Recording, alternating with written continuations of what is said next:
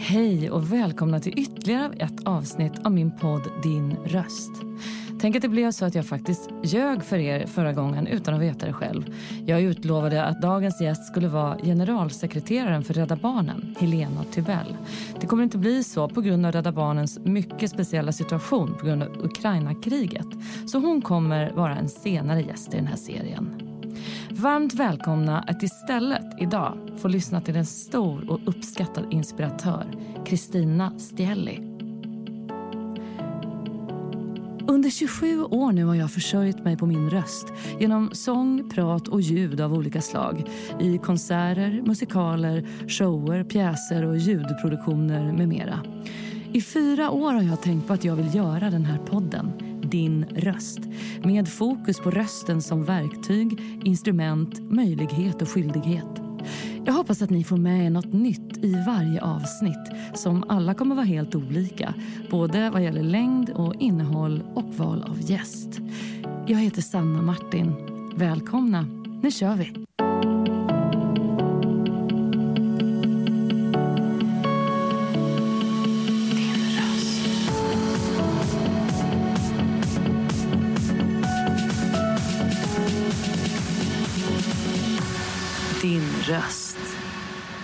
Nu ska jag se så jag ser vad jag ska säga. Det gör jag också. Gud vad trevligt. Men alltså jag, jag är redo. Är du redo? Välkommen till din röst, Kristina Stielli. Tack så mycket. Så himla roligt att du vill vara gäst. Men är och inte... att få sitta ner med dig känner ja, jag är roligt. exakt. Vi brukar ju se varandra halvnakna mest. Ja, mm. ungefär så. Ja. Och då tänker alla, gud vad, vad spännande. Nej men vi tränar på samma gym. Ja, det gör vi. Kristina något oftare än jag. Ja, jag det vet jag inte. Vi men går nog precis. om varandra. Och så det är där vi har sprungit på varandra. Och eh, inte minst i sociala medier över tid. Mm. Men det här känns jättevärdefullt och roligt. Alltså jag är så otroligt glad över möten som kommer ifrån de sociala medierna. Mm. Du och jag hade kanske inte sprungit på varandra annars. Nej. Men jag tycker sociala medier är så, när man använder det rätt så är det, det blir så naket och avklätt. Mm. För att eh, du, du, har inte de där filtren. Jag kanske inte ser dig framför mig utan jag bara ser vad du skriver alltså, mm. och vad du, vad du säger. Mm. Och det har jag alltid attraherats av hos dig. För du har en väldigt, eh, men du är väldigt behaglig och väldigt eh, varm och äkta och snäll. Det var det gulligaste jag har hört på evigheter. Nej. Och detsamma säger jag direkt. Ja, men, men, vad fint sagt. Och jag håller med. I den bästa stunden man har sociala medier ja. så är det precis i det du berättar nu. Det som vi kan få med oss när det är som bäst. Ja, precis. Det, det tycker jag också. Ja. Men du... Eh, här ska jag klippa bort. jag en liten host. Drivkraft för mig handlar om motivation. Vad det är som gör att man orkar gå upp på morgonen. Efter en lång tid förstod jag att min drivkraft är att försöka göra saker lite bättre. Försöka vara en bra människa. Länge tyckte jag att det lät lite töntigt men nu har jag accepterat det har du sagt i någon intervju. Och det här var väl kanske den finaste drivkraften jag tror att jag har hört att någon har uttryckt. Vi ska alltså prata om röst idag. Ja. Och jag vill göra en podd om hur vi använder våra röster i våra yrken. Mm. Så att vi blir trodda och lyssnade på så att vi kan hålla år ut och år in. Men också i samhället eh, med en demokratisk möjlighet som en röst faktiskt innebär. Tänker du ofta på folks röster? Hur folk låter? Ja. Jag kan bli kär i röst. Mm. Så, eh, om jag lyssnar på någon så ja, jag, blir, jag kan bli förälskad i, i röster. Jag tänker ofta på röster eh, när jag pratar med folk. Eh, jag stängde av igår, tror jag, det stängde jag av en, en, eh, ett nyhetsinslag på grund av rösten. Mm. För den rösten den lät så här hela tiden och det var så där så jag kände till slut att nu spricker huvudet, jag orkar inte mer. Och, och, och du behövde ha, så att ja, jag är väldigt eh, eh, jag är väldigt eh, noga med rösten. Men jag tror att det kan komma, om vi nu pratar det enskilda, mycket från eh, min pappa som mm. var musikdirektör någonstans i Sverige. Var han? Ja, och för att jag skulle göra honom glad så gick jag och tog sånglektioner och så sjöng jag i hans kör i kyrkan. Nämen. Jag ville vara sopran och jag försökte jättelänge men det var bara allt. Jag var bara allt. Och då tyckte jag att nej, inte jag kan vara sopran då tycker jag inte. Alla de balla, snygga tjejerna var sopraner. Menar du? Ja, det, så var det faktiskt inte när jag började sjunga kör. Var det inte? Nej, så det, men vad intressant. Ja. Men du, jag håller med dig om att en röst kan få mig att både liksom vilja ha mer men bara stänga av helt. ja. Det är något väldigt direkt det gör med oss. Det, det är en väldigt direkt kanal. Mm, det är det ju. Det är det verkligen. Och där kan väl... Alltså, för just det där som... När vi möter en annan människa så kommer ju alla filter in utan att vi... Du möter ju aldrig någon utan fördomar eller generalisering. Eh, Så att när du träffar någon... Jaha, du är sjuksköterska. Då har du redan dragit ner en massa filter. Jaha, du är advokat. Då har du dragit, eller busschaufför. Då är det liksom, så rösten där... Och Det kan jag uppleva mycket när vi har så mycket poddar nu. Alltså, då, röst, då får rösten äga eh, på något sätt. Det tycker jag. Det är ett väldigt härligt eh, format. Ja, Tycker jag. är det. Mm. Vad har du för relation till din egen röst? Tycker du om din röst? Ja, nu gör jag det. Eh, Men jag kommer ihåg när jag spelade in på kassettband mig själv första gången och, och lyssnade. Och jag bara, jag vill dö, jag vill inte låta så här. Det var så hemskt, jag lät som... Usch, men nu jag har... eh, Vad ska man göra? Det är ju bara... Nej, nej. Ja, men jag... Ja, alltså jag, det är så bra när man blir lite, när man fått leva lite, att man känner en, en fullständig acceptans till slut. Vad ska man hålla på och slåss emot det för? Nej, men precis. Och en del röster förändras ju med tiden. Men det är också att vi arbetar med dem. Tycker du att din har förändrats? Eller att, har du arbetat mycket med din talröst eh, med tiden du har blivit mer och mer eh, en användare av att tala med din röst inför folk? Nej. Det borde, borde jag ha gjort det. Nej, det tror jag inte. För att personligen tänker jag att du har liksom det som behövs. För jag tror att behöver man arbeta på det eh, väldigt mycket, då får man nog höra det. T- Så tänker jag. I och för Ja. sig så kom jag redan på direkt några som jag känner borde gjort det. Men nej, det, det, är ju- du har ju en fantastisk röst. Alltså, jag tror att min röst har blivit mörkare med åren. Jag tror Så att den- blir det ju med åren. Blir det- är det ja, så? det blir det ju Är faktiskt. det så? Ja. Det enda jag har... ehm, alltså, som jag gör för att ta hand om rösten. Och det, jag sitter faktiskt med eh, ett uppdrag nu i dagarna där jag har fått slagits för det. För att när jag kommer ut, och jag, bo, jag, jag är ju ute och föreläser väldigt mycket. Och eh, då har jag sagt att jag vill ha eh, ett headset om det är över 50 personer. Och då säger alla alltid, och det här är, in, det här är utan undantag, ja men gud, det behövs inte för lokalen är verkligen, det, alltså det är lätt, vi hade en föreläsare här förra, det gick jättebra och du har så stark röst så du hörs. Och då är det så här svårt att få, väldigt svårt att få folk att förstå att men det är mitt arbetsredskap. Precis. Eh, talar jag utan understöd så kommer det att straffa sig och jag Ja. har inte råd att tappa rösten. Just det. Och nu står jag liksom, ja ah, vi är 200 men du vet det är en sån bra lokal. Nej, stå på dig. Det är Nej. du som kan ja, jag det. vet, jag Ja. vet. Du eh, är ju en fena på det här med att tala inför andra och har gjort det professionellt i mer än tio år nu. är det väl? Mm, Och när du var yngre, hur var det med att prata inför folk då? Hemskt. Mitt första föredrag var i eh, skolan, eh, möjligtvis sjuan eller åttan för då var det inte på tapeten att man skulle stå och prata. Då, då höll jag ett föredrag om hur man bakar wienerbröd. Nej. Sen hade jag en, en, ett hjärtstillestånd, jag var väl 13 år. Alltså jag, nej, det var fruktansvärt, jag minns inte. Nej, usch. Men det är precis som med allt annat, det är en träningssak. Precis.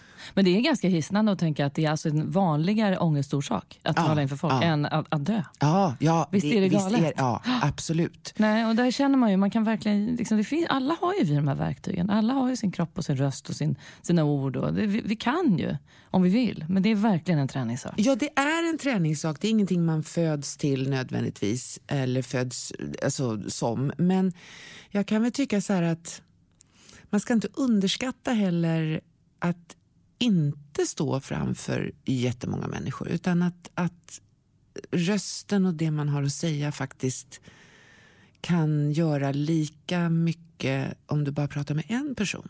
Eller om du eh, eh, spelar in en podd eller om du liksom använder rösten där det är rätt. Men att stå framför några och bara, bara prata. Eh, jag tror att det viktiga är att veta varför man gör det. Ja. Det där som du inledde med, med drivkraften. Uh, mm. Varför står jag här? Jag vet ju många som står där bara för att de älskar att stå på scenen och älskar att få applåder. Och mm. ja, jag, ja, det kanske inte är skäl nog. Nej. Det för mig är det, jag är så här, jag är folkskygg. Jag vill inte liksom, för min del så handlar det väldigt mycket om vad jag kan göra för den gruppen. Just det. I den stunden. Ja, mm. precis. Mm. Vad jag, jag vill ju tro att det finns en anledning till att vi är här. Vi ska göra världen bättre.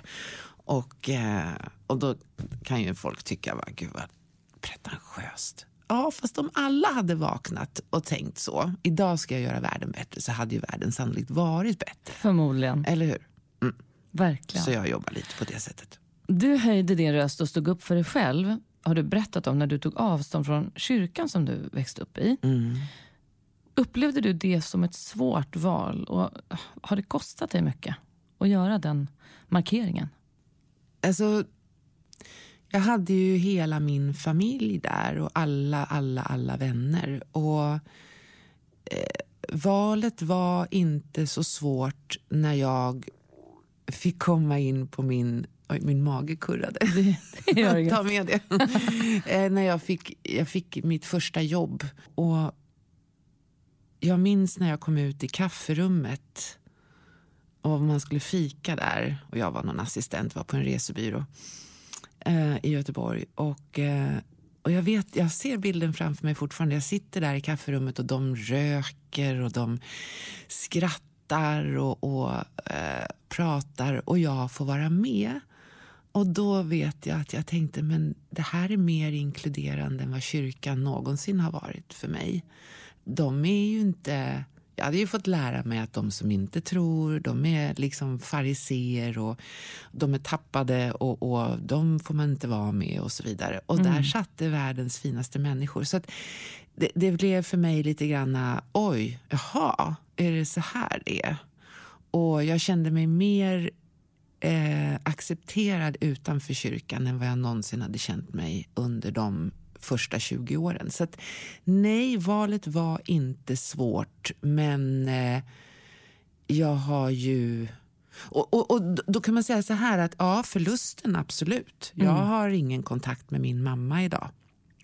Och det beror mycket på det, att hon är kvar där. Um, och hur hon betedde sig mot mig när jag klev ur kyrkan. Um, jag har flera vänner som jag liksom tappade bort. Men det priset, det var faktiskt... Det låter ju hemskt, men det var värt det. Mm. Så att, att, att jag fick liksom... Att jag fick eh, säga ifrån. Att jag fick skriva en roman om det. Att jag fick... Eh, jag har ju någonting som ligger och gnager i mig, för det pågår fortfarande det här totala övergreppet på barn när man, när man uppfostrar barn in i en religion, oavsett vilken, och de får aldrig säga om de tycker att det är bra eller om de tycker att det är dåligt. Nej. Jag var väldigt noga med mina döttrar. Eh, de döptes inte i kyrkan, för jag sa att de kom till mig sen när de skulle konfirmera sig. Mamma, vi är inte döpta, vi får inte konfirmera oss. Mm. Ja, nej, sorry, nu får ni ta ställning till Tycker ni religionen är en bra grej eller inte? Mm. Så att det där var viktigt för mig att ni måste avgöra. Jag fick avgöra först när jag var 20. Så att eh, det var värt det. Men jag ägnade 20 år åt att försöka göra andra glada. Det kan jag känna är lite... Ja. Mm. Det tål att tänkas på. Ja, det gör det. Mitt intryck av dig är att du är en sann glädjespridare. En varm medmänsklig kraft som känns genuin och intresserad av att förbättra och lotsa dem du möter till att faktiskt bli en bättre version av sig själva. Du ger handfasta råd och upplever att du både känns avväpnande, ärlig och modig. Och jag blir stärkt av att följa dig på sociala medier. Oj. Wow. Ja, men upplever du att något av det här stämmer? Alltså just att du har ju en ton som är... Um, jag ska återkomma till det. Mm. Men den är inte bara äppelcheck. För det hade lätt kunnat gå åt det hållet. Mm. När man är mm. inspiratör, mm. när du vill säga, som du sa, jag vill förbättra världen. Mm. Det hade lätt kunnat bli, åh, god och glad kexchoklad, liksom, mm. hoppa. Så här. Men det blir ju inte det. Och det är något autentiskt, uppriktigt, oerhört befriande över dig tycker jag. Tack. Kan du hålla med? Ja, men Ja, jag, är så, alltså jag har så svårt för att ljuga. Jag ljuger. Jo, men jag kan ljuga jättebra. Alltså, fast det är om såna här små, små saker som typ att Åh, jag är lite sen, bussen kom inte. Typ sånt. Jo, jo, men du är ju ändå människa. Ja, eh, tack. Och det är väl det det bottnar i. För att eh, jag är ju allergisk emot såna här, tänk positivt, mm. det kunde varit värre. Nej, det kunde det inte. Jag har levt så länge så jag vet att livet är skitjobbigt. Och vi måste få vara ledsna. Vi måste få vara arga och, och frustrerade och besvikna på någon. Men det är så viktigt att veta vad det gör med mig om jag stannar där för länge. Jag kommer hela tiden tillbaka till det här att vi har 4 000 veckor på oss. Sen är det slut. Mm. Um, och jag har väl levt upp ett gäng. Så vad fan ska jag göra med den här dagen då? då? Ska jag eh, stanna i, eh, i sorg och besvikelse över någonting som inte blev för länge? Eller ska jag ha en strategi för det? Okej, okay, som jag då jobbar efter. att Nu får du vara ledsen i två eller tre dagar. Sen räcker det. Sen måste du försöka se vad du kan göra för att ta dig därifrån. Och jag vet ju, jag har ju tränat det här och har ju de verktygen så jag vet hur jag tar mig därifrån. Och det handlar inte om att tänka positivt utan det handlar om att välja positiva saker. Som en dag när jag var jätteledsen över någonting så bestämde jag mig, tror jag la upp det på story också i, på Instagram. Idag ska jag upptäcka och se allting som gör mig glad. Och det är små saker, men jag vet ju att det gör att jag mår bättre. Vi ägnar väldigt mycket tid åt att önska att det som är inte hade varit. Vi lever väldigt lite i dagen. Vi lever väldigt mycket med att planera och väldigt mycket med att ångra. Och tänk om det hade varit fint väder i helgen. Det hade varit mycket roligare om det hade varit fint väder i helgen. Mm. Och därför så vill jag också visa att det är okej. Okay. Alltså, alla har ju sitt. Alla har sin historia. Det kan inte vara äppelcheck, det går inte. Nej. Och jag brukar säga det också, sluta tänk positivt för det håller inte. Nej. Det är ju en genväg rakt in i en mm. nedstämdhet. Att jag ska stå framför någonting som är dåligt och så ska jag anstränga mig så mycket i tanken så att det blir bra. Mm. Det är ju korkat. Ja, det känns inte så konstruktivt. Nej. Men de här verktygen och strategierna mm. du mm. pratar om, mm. är det någonting som du har utvecklat under tiden själv och liksom skrivit ner och tänkt att men det här är bra, det här kan jag behålla och det här, det här kan jag ta med mig? Eller har du själv lärt dig eh, de här strategierna på något speciellt sätt? Ja, både ja, ja och ja. För att när jag hamnade i ett läge i livet när jag alltså, allt, allt briserade. Allt, precis allt. Eh, och nu, nu, nu, har vi ett krig, men det här var på ett annat personligt plan. Mm. Då var jag tvungen efter, ja, jag tror jag sörjde ett år kanske. Så var jag tvungen efter det där året att förstå på vilket sätt kan jag ta ett annat ansvar för hur jag vill att mitt liv ska se ut. Alltså, vad vill jag rusta mig själv med? Ska jag åka med som längst bak på en berg dalbana på Liseberg eller ska jag lära mig någonting om hur jag kan jag tar ansvar för mig och min omgivning och eh, mitt agerande, mitt beteende. Så jag började ju plugga positiv psykologi i någon slags knallfart.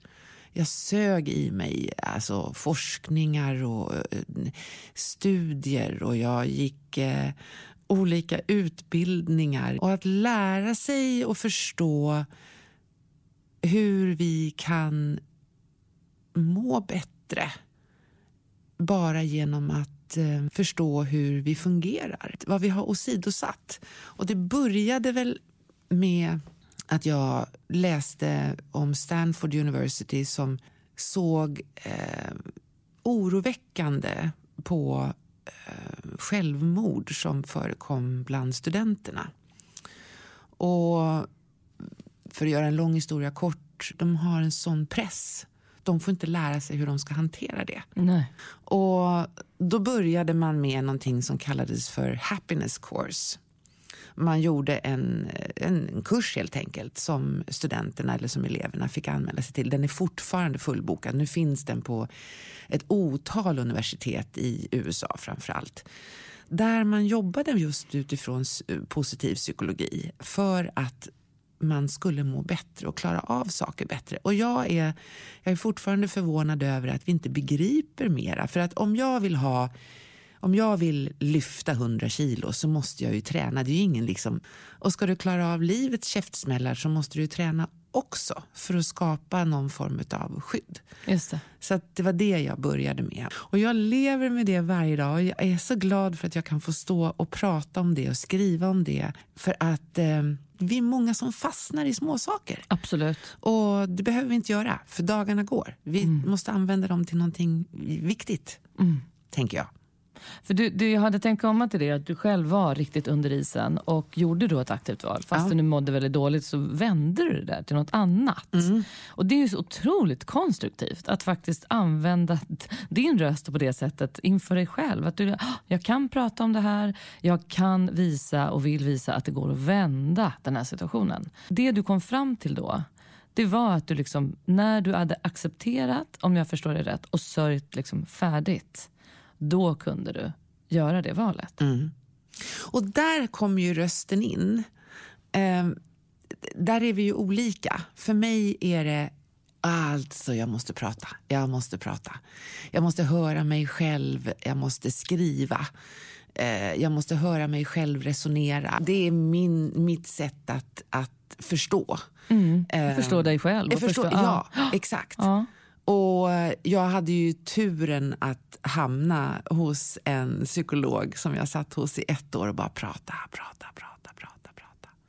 Alltså det var, det var helt otroligt, helt otroligt. Att få sitta där och prata och en timme en gång i veckan under ett års tid. Um, tack vare min då husläkare som såg att den här tjejen hon är ju på havets botten och tuggar eh, tång så henne måste vi lyfta upp. Äh, men det var fantastiskt. Och Sen så hade jag då också en anonym blogg som faktiskt blev en av Sveriges största mm. eh, innan jag släckte ner den. Eh, total, den finns inte alls. Man kan googla sig blå, men den finns inte. Så för min del så var rösten viktigt ver verktyg att, för att jag skulle förstå hur jag skulle kunna komma vidare. Ah. Eh, inte bara för att förstå mig själv, utan också för att förstå vad andra, vad, vad är det andra tycker? Hur, hur, eh, hur kan jag ställa mig till det här? Jag, som jag satt framför min terapeut och så sa jag så här, nu känner jag att jag skulle behöva hämnas, det är väl okej? Okay? Och hon bara, nej, det är kanske inte det som du ska göra riktigt. så jag gick igenom alla krisens du vet, faser. Och... Första gången jag hörde ditt namn, det var när jag fick höra om en organisation som heter Ung Inspiration. Nej, vad länge sedan. Ja, det var faktiskt via Julia Mjörnstedt som 2012 tror jag det var, eh, tipsade mig om att kolla upp den här organisationen för då hade jag börjat läsa mer retorik och ville jobba mer med ungdomar. Wow. Och då kollade jag upp den här, jag kommer ihåg att jag mejlade dig och sa liksom att hej, ja, vad bra det här ser ut och vad, vilken kul grej. Du grundade alltså denna talarförmedling för skolor ah. för att du såg ett behov för skolvärlden att få ta del av bra talare och inspiratörer utan att det skulle kosta en massa pengar. Mm. Det är en genial idé. Finns den kvar idag? Nej. Nej, men vi får prata om det när vi har stängt ja, alltså, Vi får starta upp den igen. Men du, varifrån kom den här idén? Och hur började ditt engagemang för unga? För det måste du ju ha om du kommer på en sån här grej. Alltså jag har ju två döttrar och eh, jag levde ensam med dem från det att de var 10 och 12 år. De hade det rätt kämpigt i tio års tid. Alltså fram tills att de nådde 20 års ålder ungefär, eh, under tonåren. Och mycket tack vare ett ett, eh, ett uppbrott som, eh, som deras pappa stod för. Och De fick väl en bra relation till honom efter tio år ungefär. Så jag hade dem själv under tonåren. Och det var fullständigt utmattande. Underbart på alla sätt och vis. Det är så roligt när man ser tillbaka på Facebook-minnen. du vet. Men jag stod liksom själv med dem och det var var inte bara liksom att, man var, att de var ute på kvällarna hos kompisar och man var orolig och, och, skulle försöka få hem dem. Utan det var ju det här att de var så som tonåren kan vara. Osäkra i sig själva. och Det är fruktansvärt som mamma att stå utanför en dörr när man hör barnet där inne gråta och så, mm. gå härifrån. Då kände jag att jag måste skriva någonting om det här.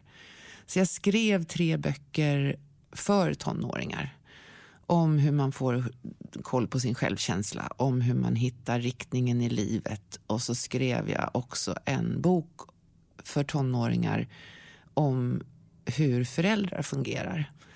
För jag tycker att det var så där, varför ska alla föräldrar få veta hur tonåringen fungerar? Alltså tonåringen måste förstå varför, varför tjatar mamma? Varför skickar hon sms med versaler till dig? Det där ledde till att jag fick eh, frågor från skolor.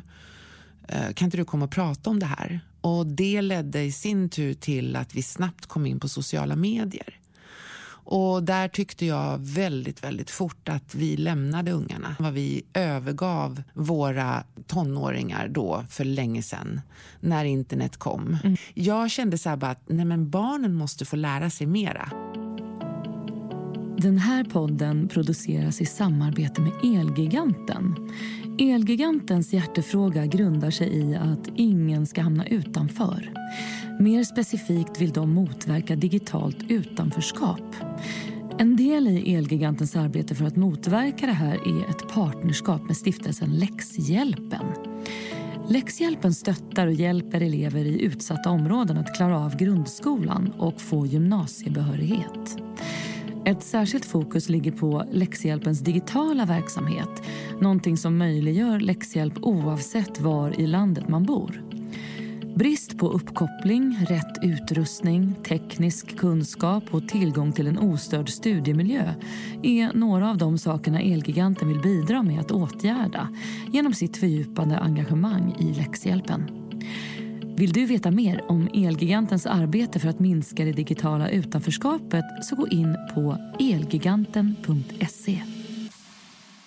Och då är ju så här att föreläsarbranschen, det finns jättemycket människor där.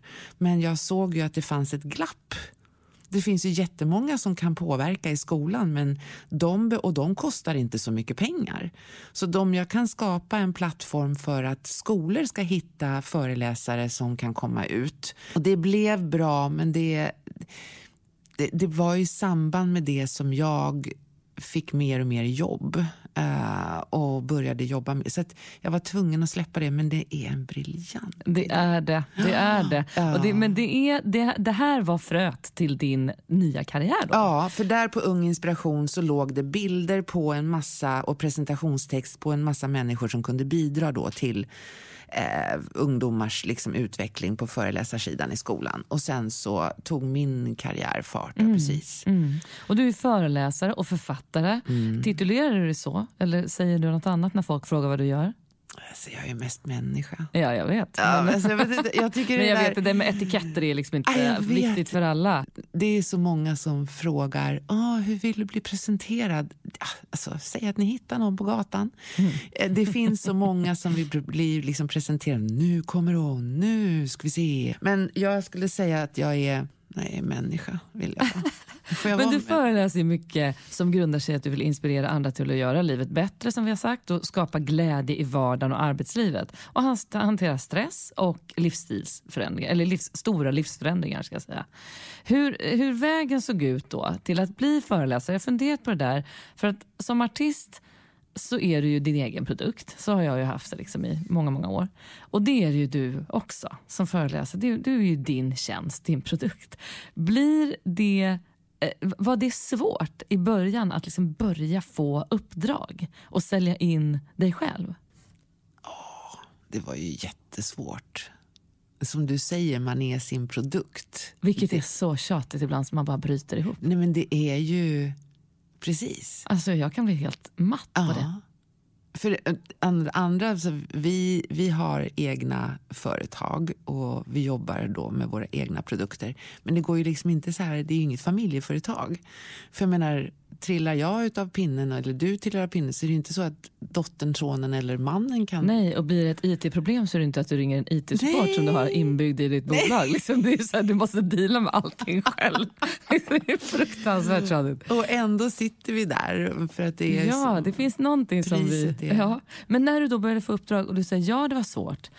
Fick du liksom ringa till lite så här, ja, talarförmedlingar och bara hej, ja, ta mig. Alltså, eller hur gjorde du? Mm. Det var så? Ja. Och då sa de att nej tack. Eh, så att, eh, nej men vad det handlade om, eh, och det här är också med rösten. Vi får aldrig, aldrig underskatta nätverk. All, och det kan också låta som man vill liksom, topplocket går nätverk. Ja, vad löjligt. Men det, Nej, är, det är så viktigt. Och du ska omge dig, titta i det nätverket som du har. För att de människorna visar var du sannolikt kommer att vara på väg någonstans inom ungefär fem år. Så att de som du har i nätverket närmast eller som du liksom plockar in, och jag menar inte att man ska göra det här något cyniskt på något sätt. Det måste vara äkta, det måste vara genuint. Men de visar var du kommer att vara om fem år och då får man titta på sig själv också.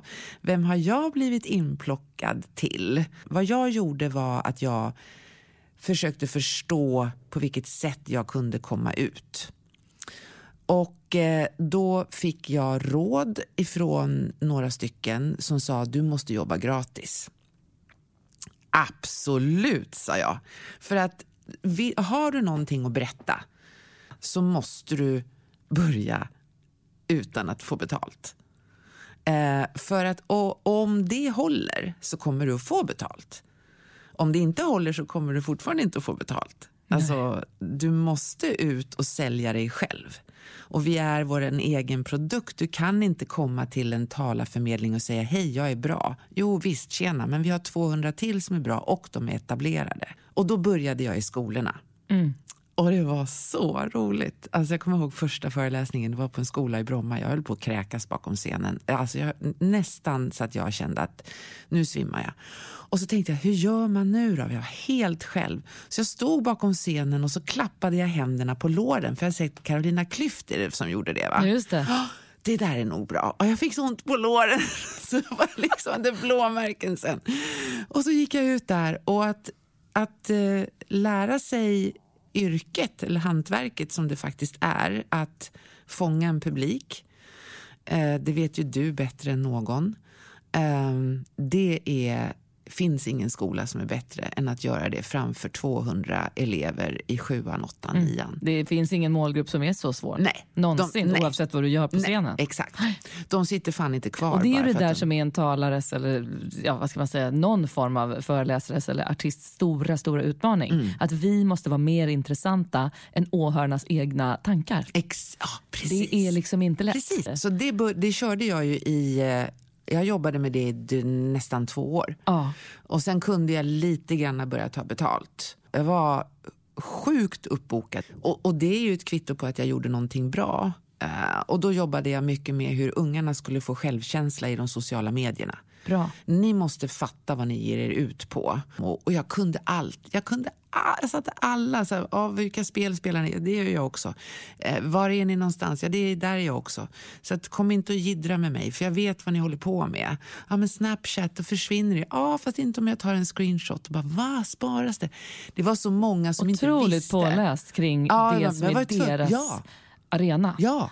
Ja, det, där måste, det skapar en enorm trovärdighet. Ja, eh, jag har ju en, en bakgrund som, som eh, marknadschef på företag som har jobbat med spel och Playstation. Mm. Så jag kunde ju liksom snacka med dem om World of Warcraft och Counter-Strike och de bara va? Och då blir det så här, då är det en föreläsning 9 till halv 11, nästa föreläsning är 12 till halv 2, nästa föreläsning är 3 till halv 4. Förstår du? Och sen på kvällen så hade jag föräldrarna. Mm. Och det var, det var så roligt. Var så Men vad roligt. värdefullt, vilken insats. Och jag var så trött. Jag förstår att du måste varit helt dränerad. Men det var den bästa skolan. Tycker du att ditt arbete i perioder kan bli ensamt? Ja.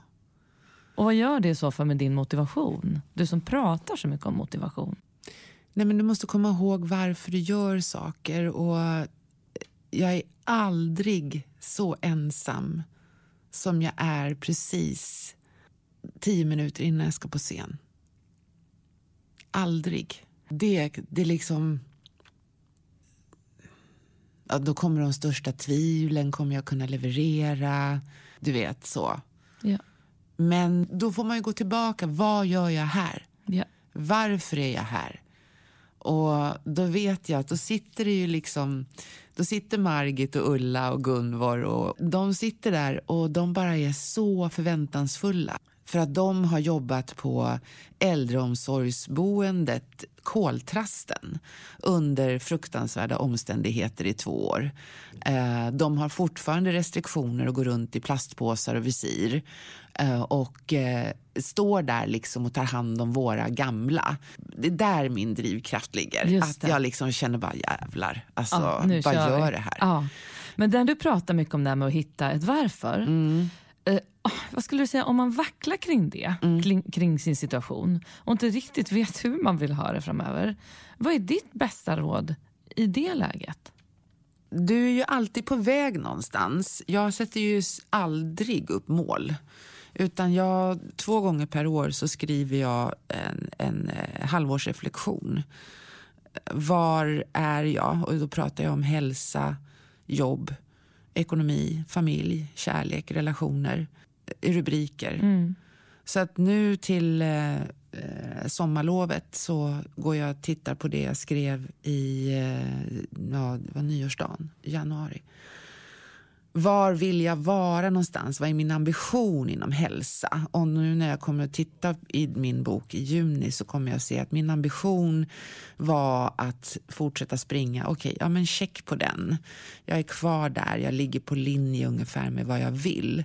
Men du behöver alltid röra dig i någon riktning. Ja. Alltid vara på väg någonstans. Och det är vi ju hela tiden. Jag menar, du är på väg någonstans med din podd. Då får man fråga sig, vart är jag på väg? Var vill du vara om fem år? Mm. Och vad händer om du ser i din reflektion att du inte alls är där du hade tänkt? Ja. Blir du besviken på dig själv? Nej, för att jag har inga mål. Utan det är min ambition. Bra. Mycket viktig skillnad, eller hur? Det är mm. jätteviktig mm. skillnad. Och jag skulle kunna tänka mig så här att januari, ja, alltså, ta till exempel eh, relationer. Alltså jag vet vad det står i min bok med min ambition för relationer och det vet jag, det sket sig. Mm. Så det är ju det här att reflektera över vad var det som hände men sen se vad har jag lärt mig av det här? Vad kan jag göra Precis. för att kunna, liksom, vad ska jag ha för ambition till nästa halvår? Så att hela tiden vara på väg någonstans och ha koll på att det är den riktningen som jag vill vara och röra mig i mm. är viktigt för mig. Mm. Som ensamföretagare, vi var inne på det förut, på en arbetsmarknad som både för dig och mig är ganska nyckfull så, så kan jag ha problem med mitt eget driv. Jag kan liksom känna att det är både en superkraft men också en förbannelse ibland. Att det är väldigt sällan det liksom är tyst i huvudet. Uh. Och jag, jag, kan, jag kan ha ganska få dagar per år då jag helt kopplar bort min prestation. Hur undviker man, tycker du, att driva sig själv för hårt? Oj. Uh, man bryter ihop och kommer... jo, det har hänt. Nej, men jag tror också att det handlar om... Det är, det är alldeles för många som, som skriver till mig ibland i sociala medier att hallå, ta det lite lugnt. Stressa inte för mycket. Kom ihåg att det är bara en av dig och så vidare. Mm. Och det provocerar mig otroligt. Jag har fullt ut ansvar och jag är fullt ut kapabel till att avgöra vad som är för mycket eller vad jag behöver liksom justera. Ja. Jag var ju sjuk av stress i två år. Och var det utbrändhet? Skulle du säga? Ja, det alltså, jag var så här pionjär. Eh, för jag eh, stod ju på Birger eh, och visste inte vem jag var, var jag kom ifrån och vad jag hette. Och, på riktigt alltså? Ja. På riktigt. Uh, och det var, vad var det, 97, 8, 97?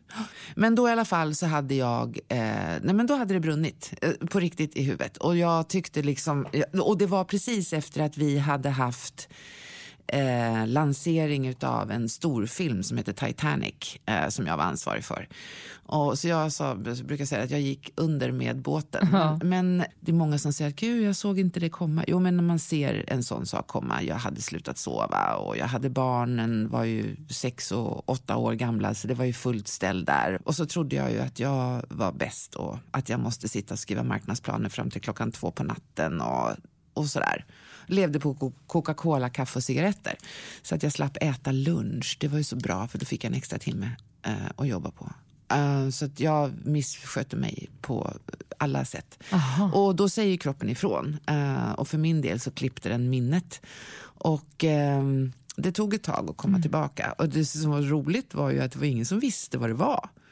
Min läkare han sa att oj, det är första gången som jag får skriva utmattningsdepression i, ett, i, ett, i en sjukskrivning. Vad spännande, sa han. Oj, oj, oj. Eh, och sen fanns det inga kurser, inga, fanns inga böcker, ingenting om hur man skulle liksom göra för att komma tillbaka. Så jag fick hantera det själv.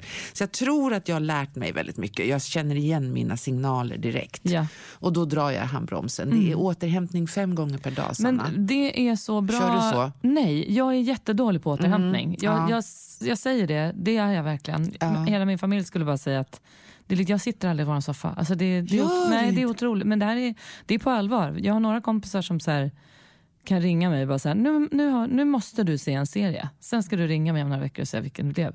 För då, det är enda gången jag typ sitter ner. Så jag har problem med det här. Och då undrar jag, vi pratar så mycket om hållbarhet idag. Och då måste det här vara en nyckel till att vi ska bli hållbara, eller hur? Aha. Att vi ska återhämta oss. Vi pratar så mycket om hållbarhet i miljön och tekniken och liksom allt det där. Aha. Men vi människor då? Ja, det är du det jag, jag jobbar med. Ja, exakt. Och då är det återhämtningen som är the key. Ja. Vad är återhämtning för dig? Nu syns inte det, men jag sitter liksom och stirrar på dig så här. För jag det är kass på återhämtning. Är, ja. Mm. Eh, återhämtning för mig är Alltså för det första så måste det ske minst fem gånger per dag.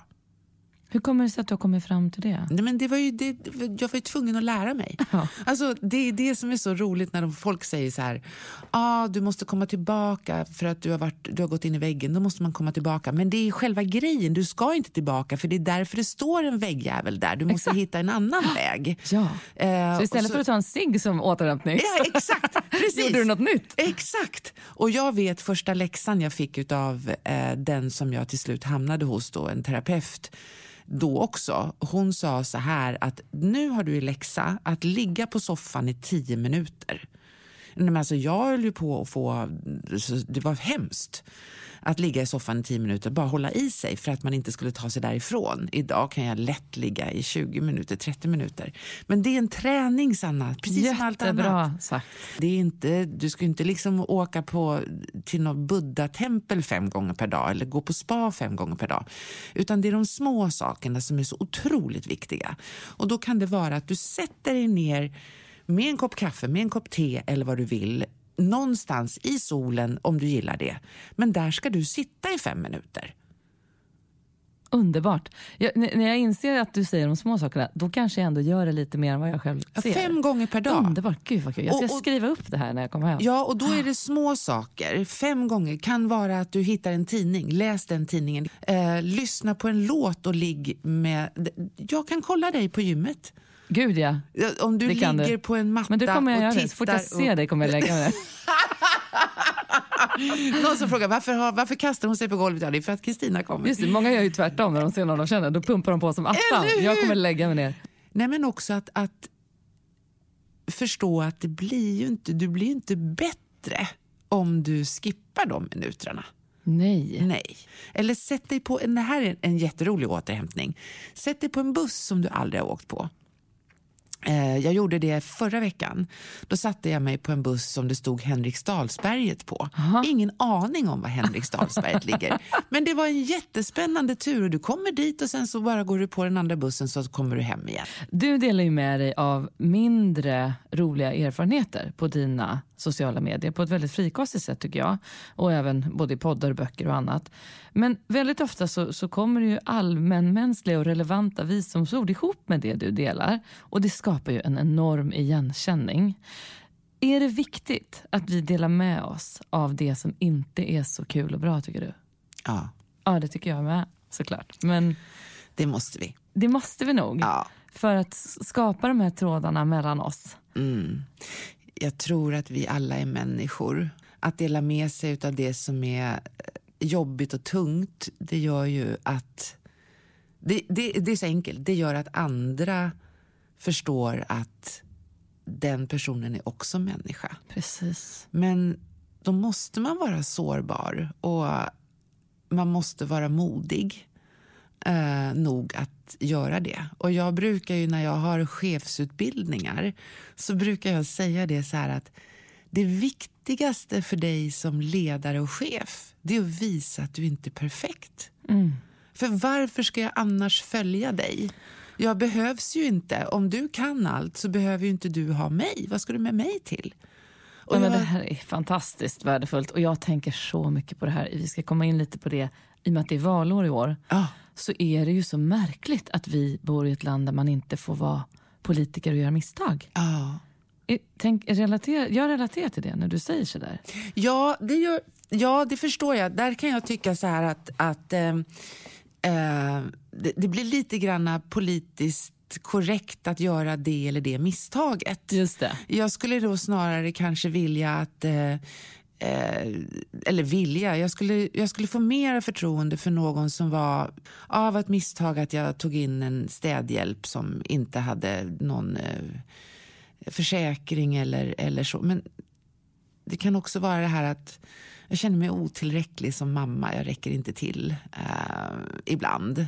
Politiken tar upp väldigt mycket av men min tid. precis. Det där hade ju varit mycket roligare också att lyssna på. Ja, och det hade inte varit så förödande. Det hade inte skapat jättestora sensationsrubriker. Nej, men men då är det som på något sätt att Ja, misstag. Hon köpte en Toblerone. Det är ett misstag, men så gör vi alla. Mm. Ajabaja, ja. ja, men jag vill ju veta mer om, om människan. Absolut. En, en ledare och en chef som säger så här att alltså, på riktigt, jag vet att jag är ekonomichef, men jag hatar Excel. Det går att vara så sårbar. Men jag möter ju chefer och ledare som sagt så här, ja, fast jag kan allt. Fast det, det kanske är någon liten svart fläck någonstans. Det är jätteroligt. Men varför ska jag följa dig om du är perfekt? Varför ska jag följa dig om du är felfri? Jag vill ju veta att du är som jag. Att vi på något sätt, där har vi ju en, en viktig, viktig nyckel tror jag. Mm. Och vi speglar. Ja, visst gör vi det. Mm. Men då är inte det här liksom, gud kolla jag är inte helt perfekt för jag har celluliter. Ja, fast alltså, vet inte. Det, vi kommit över det lite grann. Det var en sensation för 20 år sedan men nu, nu vet vi att alla har det. Men du har sagt något så befriande om det här med att ha ett problem. Jag kan nog inte citera det, men du har sagt någonting om att så här, har du ett problem, eh, är det då, du, du får fylla i här nu Kristina. Nej, då är det inget problem. Stämmer det? Ja, då är det bara att lösa. Eller? Vad- exakt. Berätta, hur ser du på det där? Eh, lever du som du lär? Ja. Skulle jag fråga också. Oh ja, jajamensan. Wow. Ja, det gör jag. Så du För menar, att- hur, hur tänker man då? Om jag Men har ett vi- problem, ja. då ska jag ställa mig frågan. Ett, kan jag göra något åt det? Mm. Och kan jag det, då gör man det. Och kan jag inte det, då ska jag inte se det som ett Mm. Nej, problem. vi kan ta mitt favoritproblem. Ja. Snö. Välkommen till Sverige, vad roligt att du bor här. Ja. Jag tycker att snö ska finnas i Alperna och i fjällen. Och så kan det vara där. Jag vill inte ha snö i stan. Eh, jag tycker inte om det. Det är kallt. Och säg inte att det, åh, det blir så fint, det blir så ljust. Nej, det är kallt och det är hårt och det är, det är blött. Så kommer snön då i november. Jag blir ju så, alltså jag blir på riktigt, jag regrederar. Jag blir fyra år. Jag vill ju gå ut med en hårtork, bara så här, få bort allting. eller sparka på den. Då har ju jag uppenbarligen ett problem. Och då har jag ju den här. Kan du lösa det, kan du lösa det här problemet? Nej, det går ju inte. Nej, men då har inte du något problem. Då får jag välja hur jag ska förhålla mig till det här. ja. Allt kan man ta ifrån människan, utom friheten att välja hur man ska förhålla sig till det som sker. Och det är både min makt och min frihet. Och att då rusta sig själv och förstå på vilket sätt man kan möta saker. Sen är det okej att vara ledsen och arg. Jag kan få gå ut och, och, och sparka på snön och så, men ta ansvar för vad det gör med mig. Mitt största problem nu och det pratar jag väldigt ofta om, det är ju att jag är så otroligt rädd för att förlora min pappa. Det går ju inte liksom. Nej. Jag kan ju inte leva utan honom. Han ska bara vara där. Ja. Jag ställer honom i en garderob så att han inte syns när döden kommer. Mm. Han ska inte röras. Jag och min syster har väldigt nära relation med varandra och med pappa. Och vet, när, här, när han ringer då är det liksom, vi går upp i stabsläge. Aj, det är, aha, vi är så rädda om honom. Jag eh, har ju då ett problem med att jag vill behålla min pappa. Och jag går ju igenom den där hela tiden. Kan du lösa det? Nej, det kan jag inte. Men då är inte det ett problem. Då är det fakta. Och då får du välja hur du ska förhålla dig till det.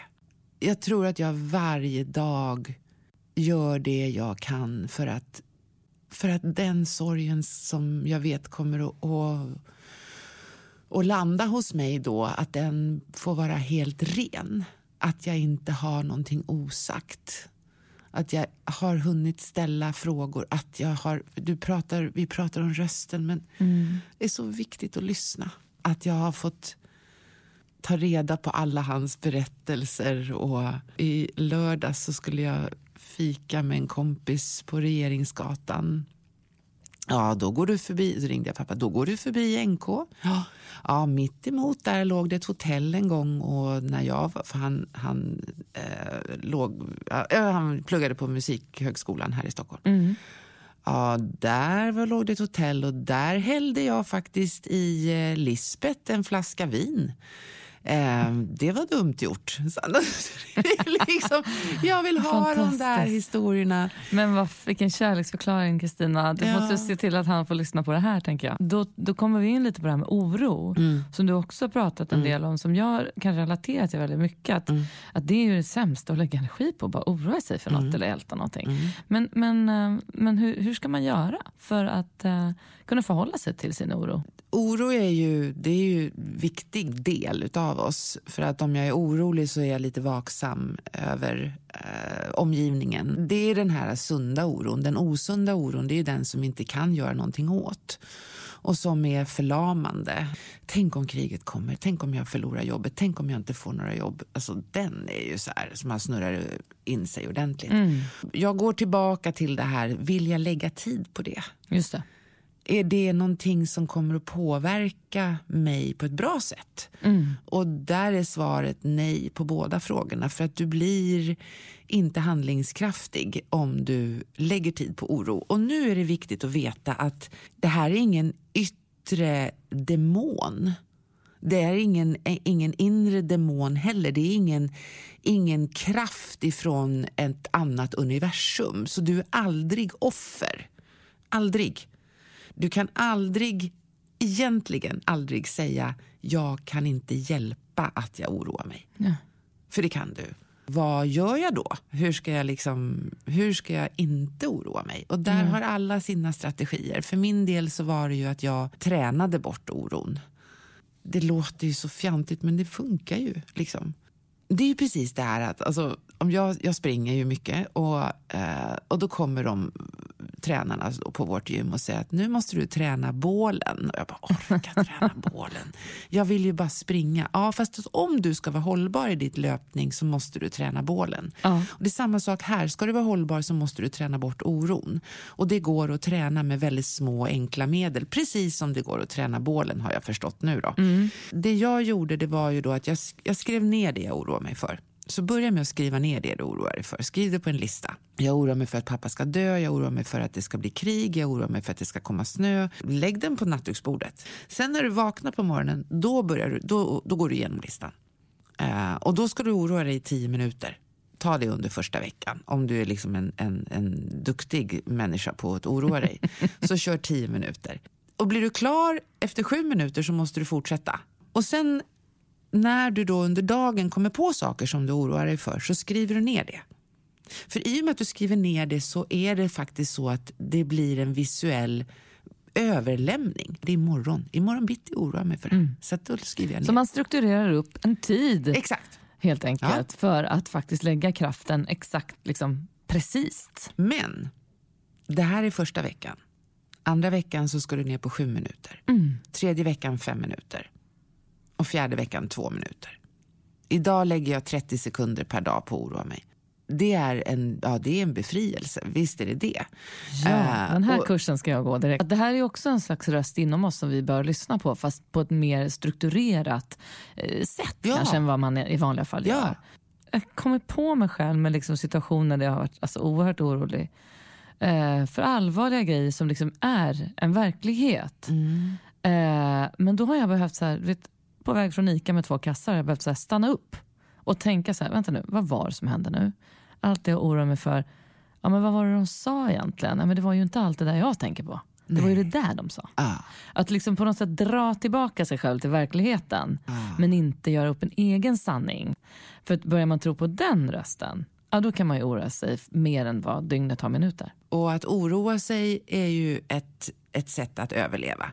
Och som du är inne på, att spekulera. Precis. Det är ju verkligen bra för att, kunna, ja, Gud. för att kunna överleva. Idag vet vi att vi mår dåligt utav det. Precis. Men att lyssna på nyheterna i det här fallet då och bara se vad är det de säger. Mm. Inte hoppa till Gud, jag sitter i ett skyddsrum i Jämtland under en, eh, under en stubbe. Ingen kommer hitta mig och jag kommer dö för jag har inte ravioli. Det blir lite spekulativt. Mm.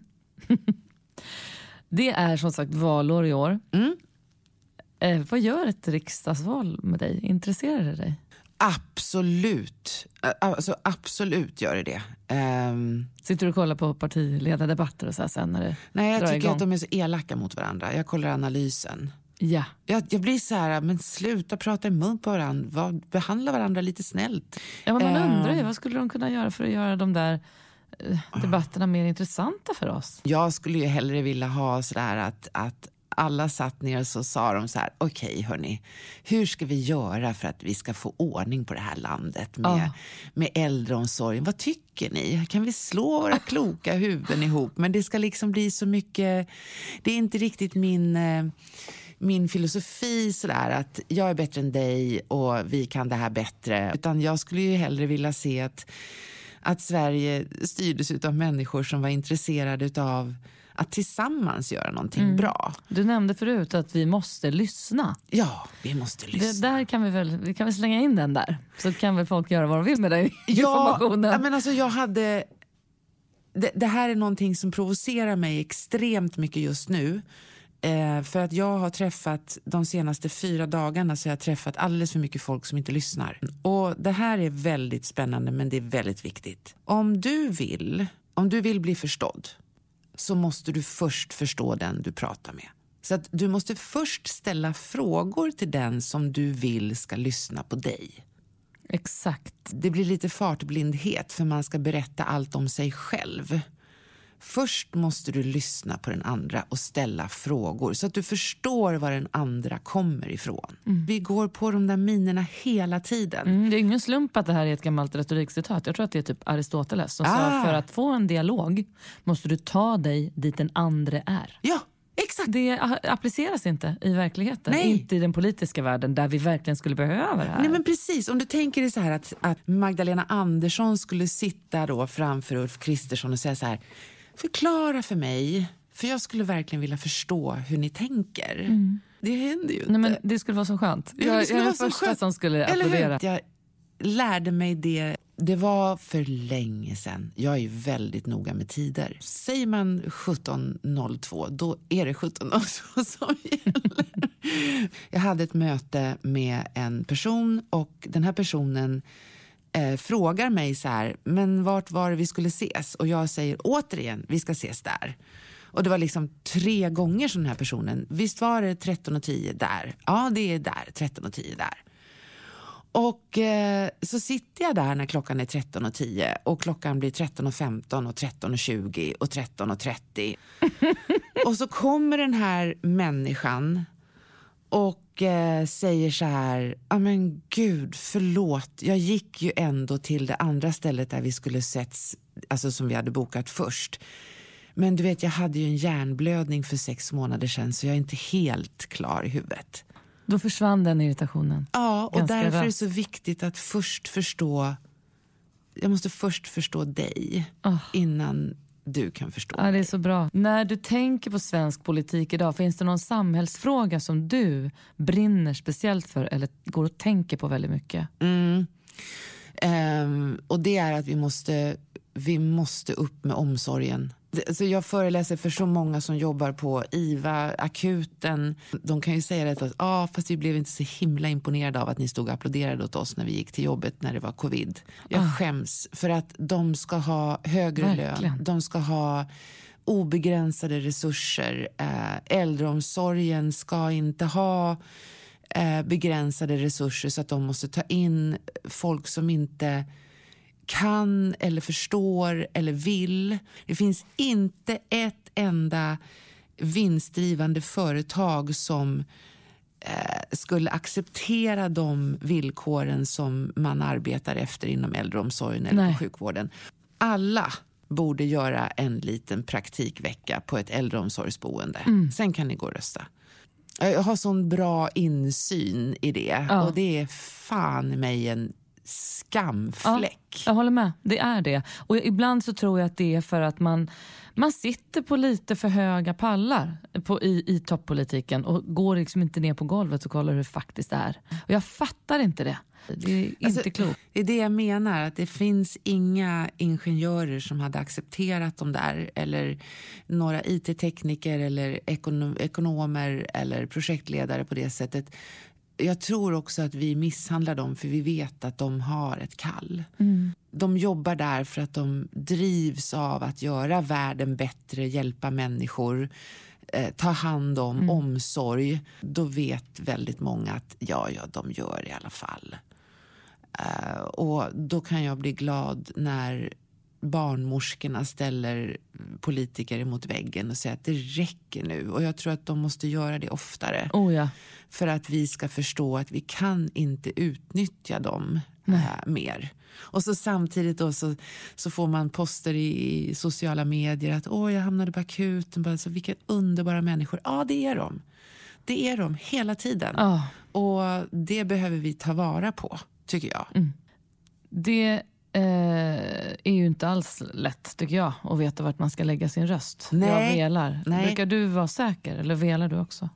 Nej, men där måste jag säga att även om inte jag tittar på partiledardebatterna för jag tycker de är så arga på varandra. Jag tycker att folk är tillräckligt arga i världen. Men så gör jag väldigt mycket, eh, alltså, un, alltså kollar. Ja. Vad är det som är viktigt för mig? Och så kollar jag vad de olika partierna har för åsikt i det. Mm. Eh, så att, nej, jag känner mig rätt säker när jag går till vallokalen. Mm. Du har ju vuxna barn, två tjejer, ja. som du har berättat lite om. Eh, har ni pratat mycket under deras, eh, eh, när de skulle till att rösta första gången? Där måste jag säga att eh, jag har ju varit lika restriktiv med det som jag har varit med andra religionsåsikter. Alltså, nej. Däremot som jag tror eh, att Astrid Lindgren sa, va? Vad säger hon det där med att man, om man proppar... Om man ger kärlek, ja. barnen kärlek ja. och ännu mer kärlek. Ja. Ja, så ska du se att resten löser det, resten löser sig. Någonting sånt där. Så, ja, precis. Att sen kommer resten av sig själv. Eller så, så, ja, exakt. Ja, ja, så vackert. Eh, idag är jag så tacksam för att jag har två döttrar som har Alltså de är så inkluderande. De står upp för det som är rätt och riktigt. De vågar säga ifrån jag hade inte kunnat få det bättre och då vet jag att de väljer det bästa. Mm. Så jag är, när jag känner mig helt trygg. De är fullständigt mina idoler. De är en bättre version än vad jag någonsin var i den åldern. Du, vi tidigare la den här inspelningen. Vi skulle sett om ett par veckor. Ja. Vilket gör att jag har ett litet system där en gäst ska få ställa en fråga till nästa gäst. Men då har jag ingen gäst som har ställt en fråga till dig. Nej. Men däremot så har jag en annan som ska göra det. Så jag ska spela upp det för dig här.